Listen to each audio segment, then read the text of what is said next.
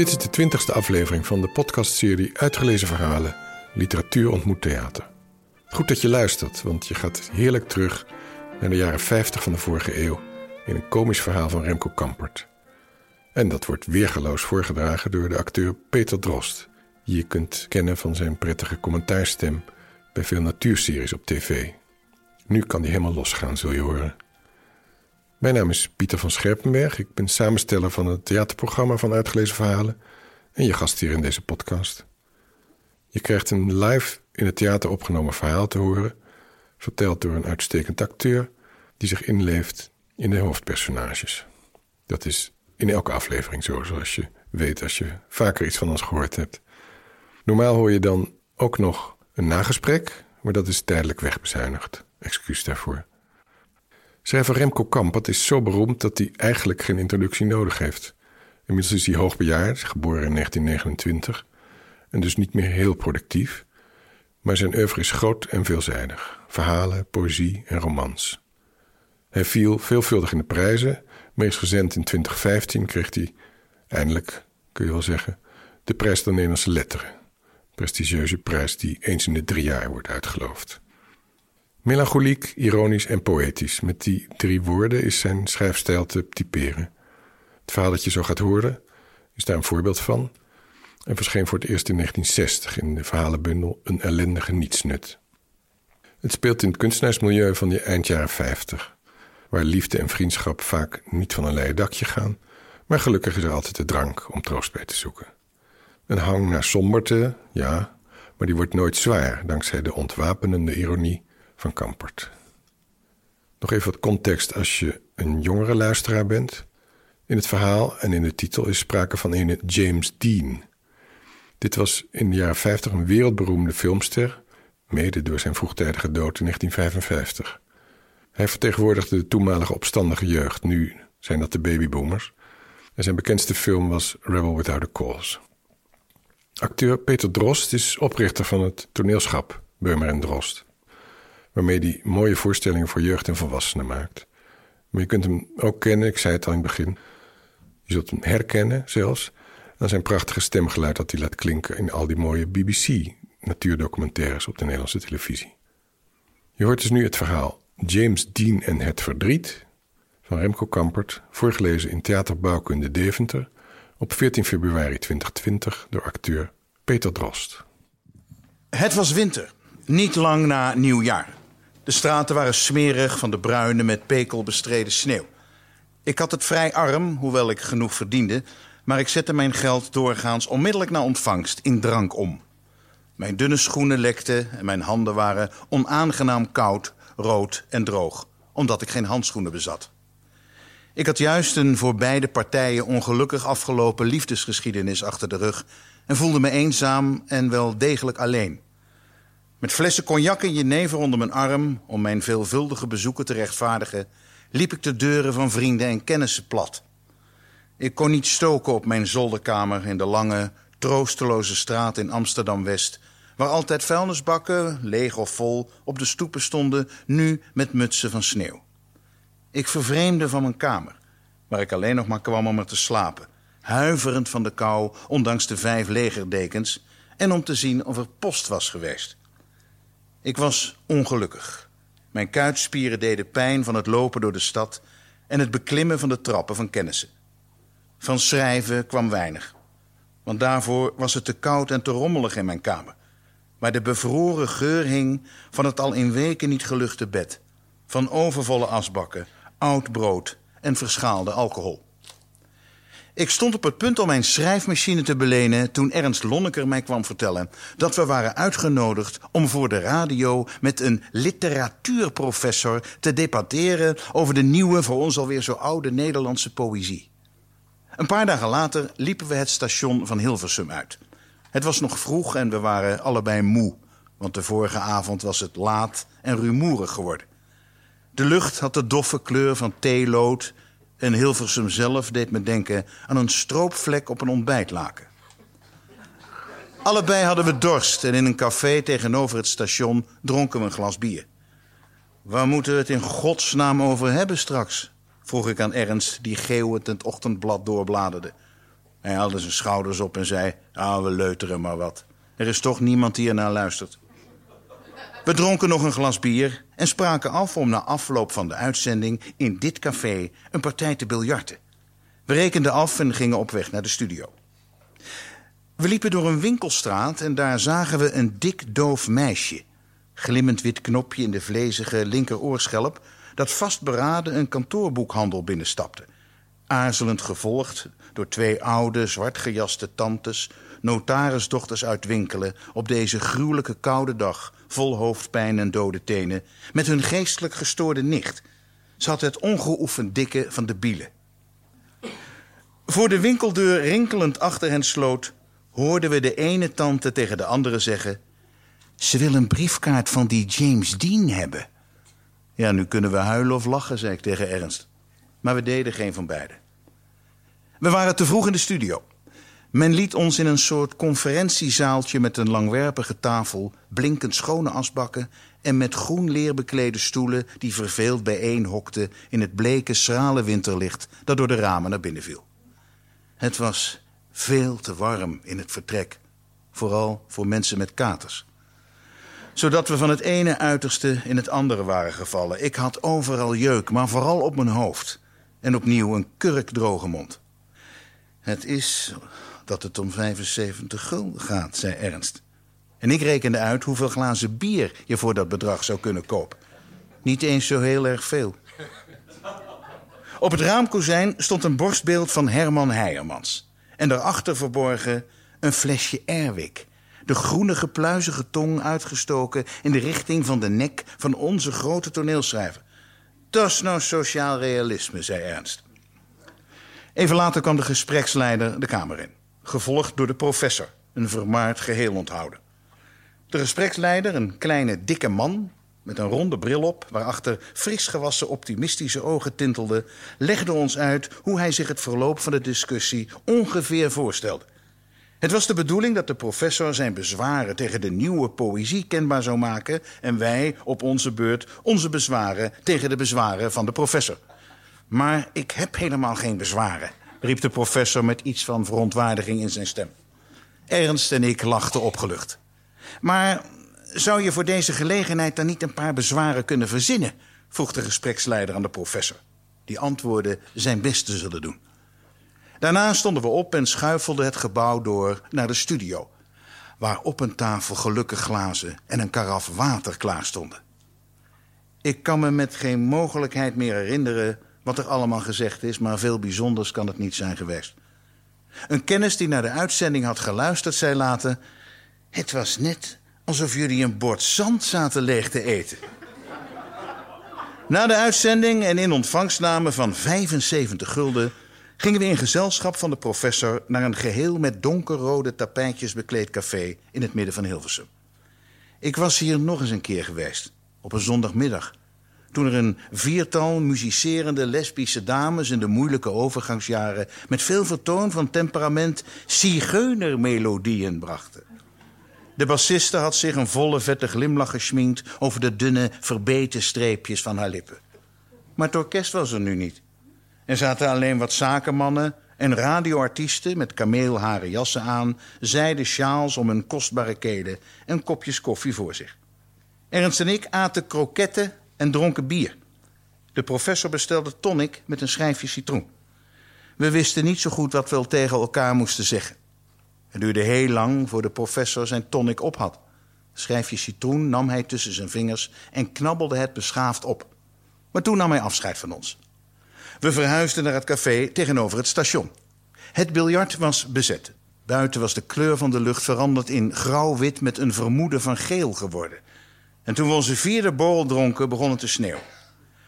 Op dagen als deze lijkt het schrijven van poëzie mij een volslagen nutteloze bezigheid, zei ik. Ik ken dat gevoel, zei Ernst, maar vergis je niet. Alleen slechte dichters hebben de krukken van het nut nodig. Er kwamen drie soldaten het café binnen.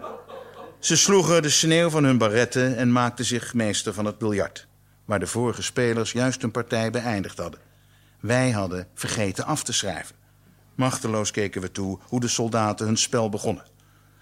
Als ze maar niet zo verdomd veel lawaai maakte, zei Ernst, dan was het nog te dragen. Ik begrijp niet veel van mensen, zei ik. Behalve dat de onvermoeibaarheid van hun bewegingen en de klankenrijkdom van hun beweringen op iets duiden moeten of op zichzelf iets beduiden. Mijn god, waar je het vandaan, zuchtte Ernst geprikkeld. We bestelden nieuwe drank. Vroeger dacht ik dat het wel mogelijk was om met enige intelligentie het verdriet te bestrijden, zei ik. Maar ik ben van mening veranderd in de loop der jaren.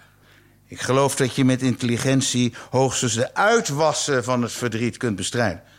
Zoals je met een schaar de rafels van je broekspijpen knipt. Ik geef me over, zei Ernst. Het verdriet is overal aanwezig, net als God, vervolgde ik. Neem nu dat meisje daar straks dat een briefkaart van James Dean wilde. De tranen springen me in de ogen als ik daaraan denk.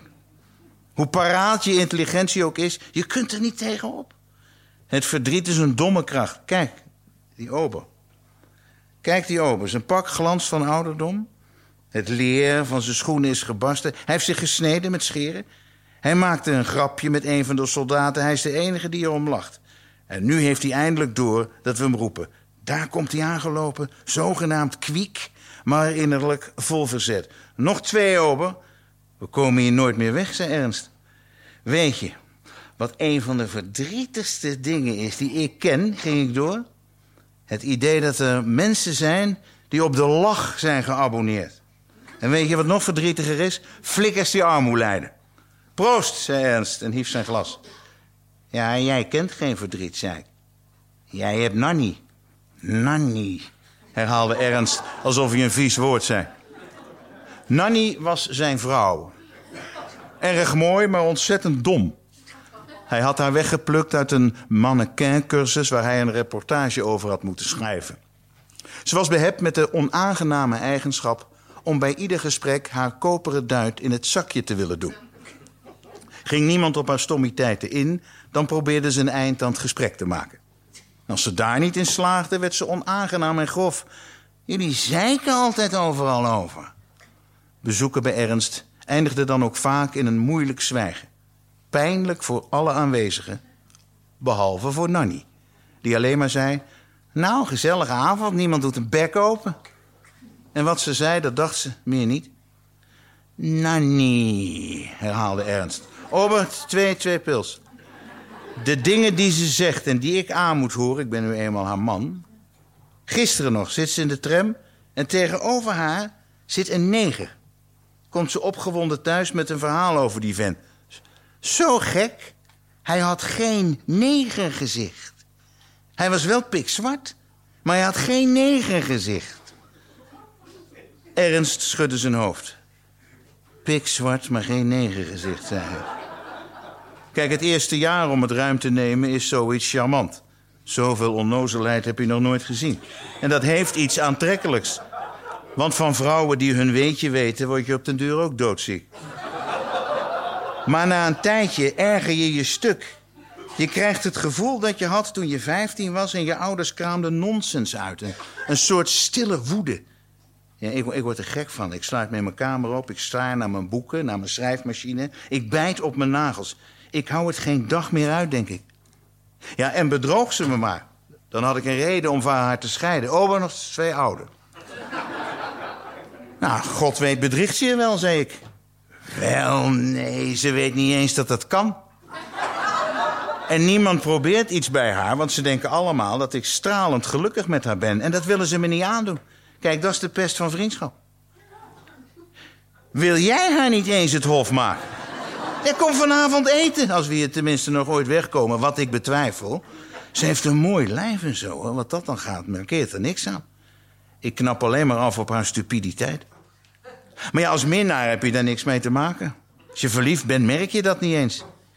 Maar ik ben niet verliefd op haar, zei ik. Ja, kan altijd komen, zei Ernst optimistisch. Ze is verdomd lief. Ik was zelf ook vroeger verliefd op haar. Daarom zijn we getrouwd.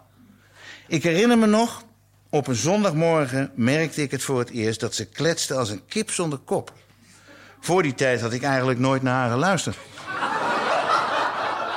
We lagen nog in bed En er was weer een of andere internationale crisis. En we hadden het over oorlog. En ik zei dat ik daar verdomd bang voor was. Zij niet. Nee hoor, helemaal niet bang. Wat denk je dat ze zegt? Geen idee, zei ik. Ze zegt, ik ben nooit bang. Gek hè, maar ik ben nooit bang. Alleen als er iets gebeurt, ben ik bang. En terwijl ze het zegt, kijkt ze me met haar ronde knikkers trots aan. Net een hond die een stok uit het water heeft gehaald. Braaf zo, Bello. Alleen het blaffen ontbrak nog. Op dat moment wist ik het. Ik heb de blunder van mijn leven gemaakt toen ik haar trouwde. En dan jij maar zeuren over, over flikkers die de lach lezen... omdat James Dean erin staat. Ober zijn er nog, nog twee oude. De lach, zei Ernst bitter. Ha, ha. Ernst, zei ik, luister goed, ik heb een geweldig idee. We gaan noodlenigen. Wonde stelpen die het leven heeft geslagen. Ober af, afrekenen. Ik wil niet naar huis. Luister nou, ik heb een geweldig idee. Wil niet naar huis. Nee, we gaan niet naar huis. We gaan, we gaan iets, iets, iets geweldigs doen. We gaan het verdriet bestrijden. Bestrijd jij je eigen verdriet, maar hij wil naar huis. Ober, brengt u meneer even een kopje koffie. Ik ben zo terug. Even iets regelen. Wil geen koffie. Hoe dronken ik ook ben, ik blijf altijd op de been. Zelfs in sneeuwjachten. Ik voelde me gelukkig. Ik had een welomschreven doel en een waterdicht plan om dat doel te bereiken. Hilversum leek plotseling een plaats vol mogelijkheden. Al werd deze plaats ook door de sneeuw die mijn bril besloeg grotendeels aan het oog ontrokken. Waar mensen bijeen hokken, liggen de kansen tot opheffing van het verdriet voor het grijpen, dacht ik. Terwijl ik me bukte om een sneeuwbal te maken, ik wierp hem in de lucht en de sneeuw was zo dicht dat ik niet zag waar hij terecht kwam. In de kantoorboekhandel, die ik een minuut later binnentrad, was het zo warm dat alles even zwart voor mijn ogen werd. Ik viel bijna met mijn rug tegen de winkeldeur aan. Oppassen, dacht ik. Nu geen dronken indruk maken. Daar is de middenstand niet van gediend. En niet meteen met de deur in huis vallen. Tactisch optreden. Een rolletje plakband. Mompelde ik tegen de juffrouw achter de toonbank. Zegt u meneer? Rolletje plakband. Herhaalde ik wat luider, terwijl ik mijn bril schoonveegde. En een tijdschrift. Geeft u mijn radiobode maar. We hebben alleen de katholieke radiogids, meneer. Ja, geeft u die dan maar. Het was nog een meisje, zag ik, dat me hielp. Een kind van een jaar of veertien. Ze was bleek en blond met fletse blauwe ogen. Ze droeg een grijze rok en een donkergroen truitje. Borsten had ze niet en ze zag er naar uit dat ze die misschien ook wel nooit zou krijgen.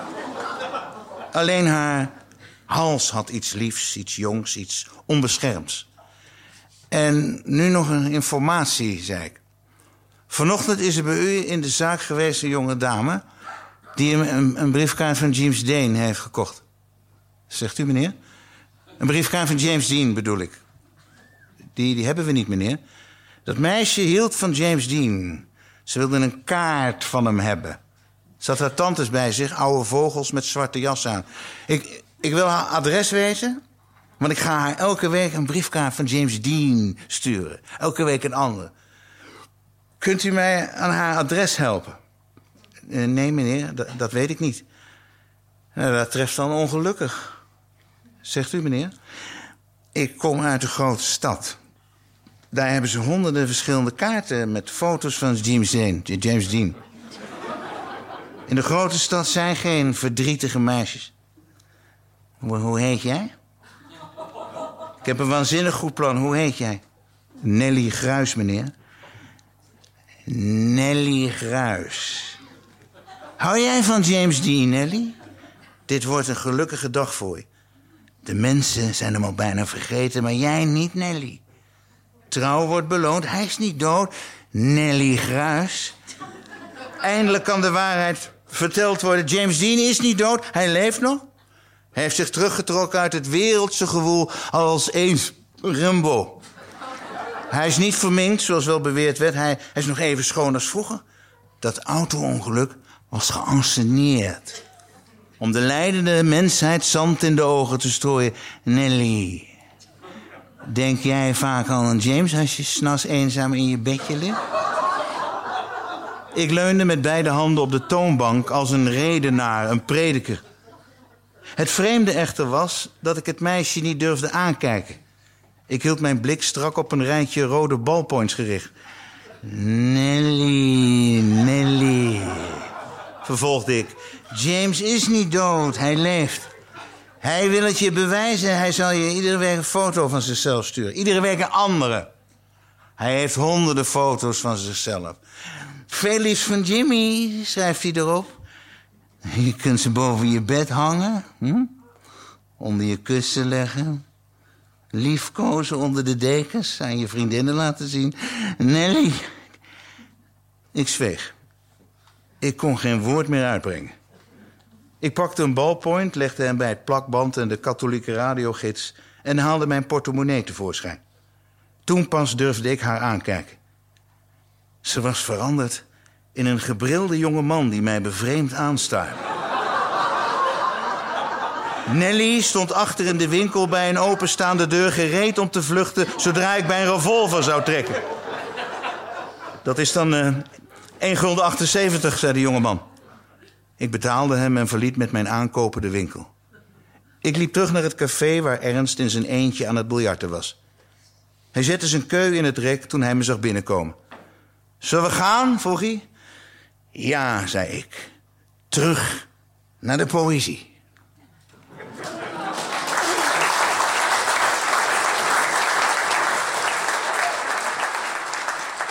Zo, lieve luisteraar. Hiermee sluiten we deze aflevering af. Ik hoop dat je genoten hebt. Deze aflevering is mede mogelijk gemaakt door het Fonds Kleine Culturele Initiatieven Provincie Overijssel en door de gemeente Deventer. Aan deze aflevering werkte mee Remco Kampert, uitgeverij De Bezige Bij, Peter Drost, Dirk-Jan van Ittersum voor de mixage. De herkenningsmelodie is van Instant Classical, Amir Swaap en Sietse van Gorkom. Ik ben Pieter van Scherpenberg en gids je door deze twintigste aflevering. Graag tot een volgende keer.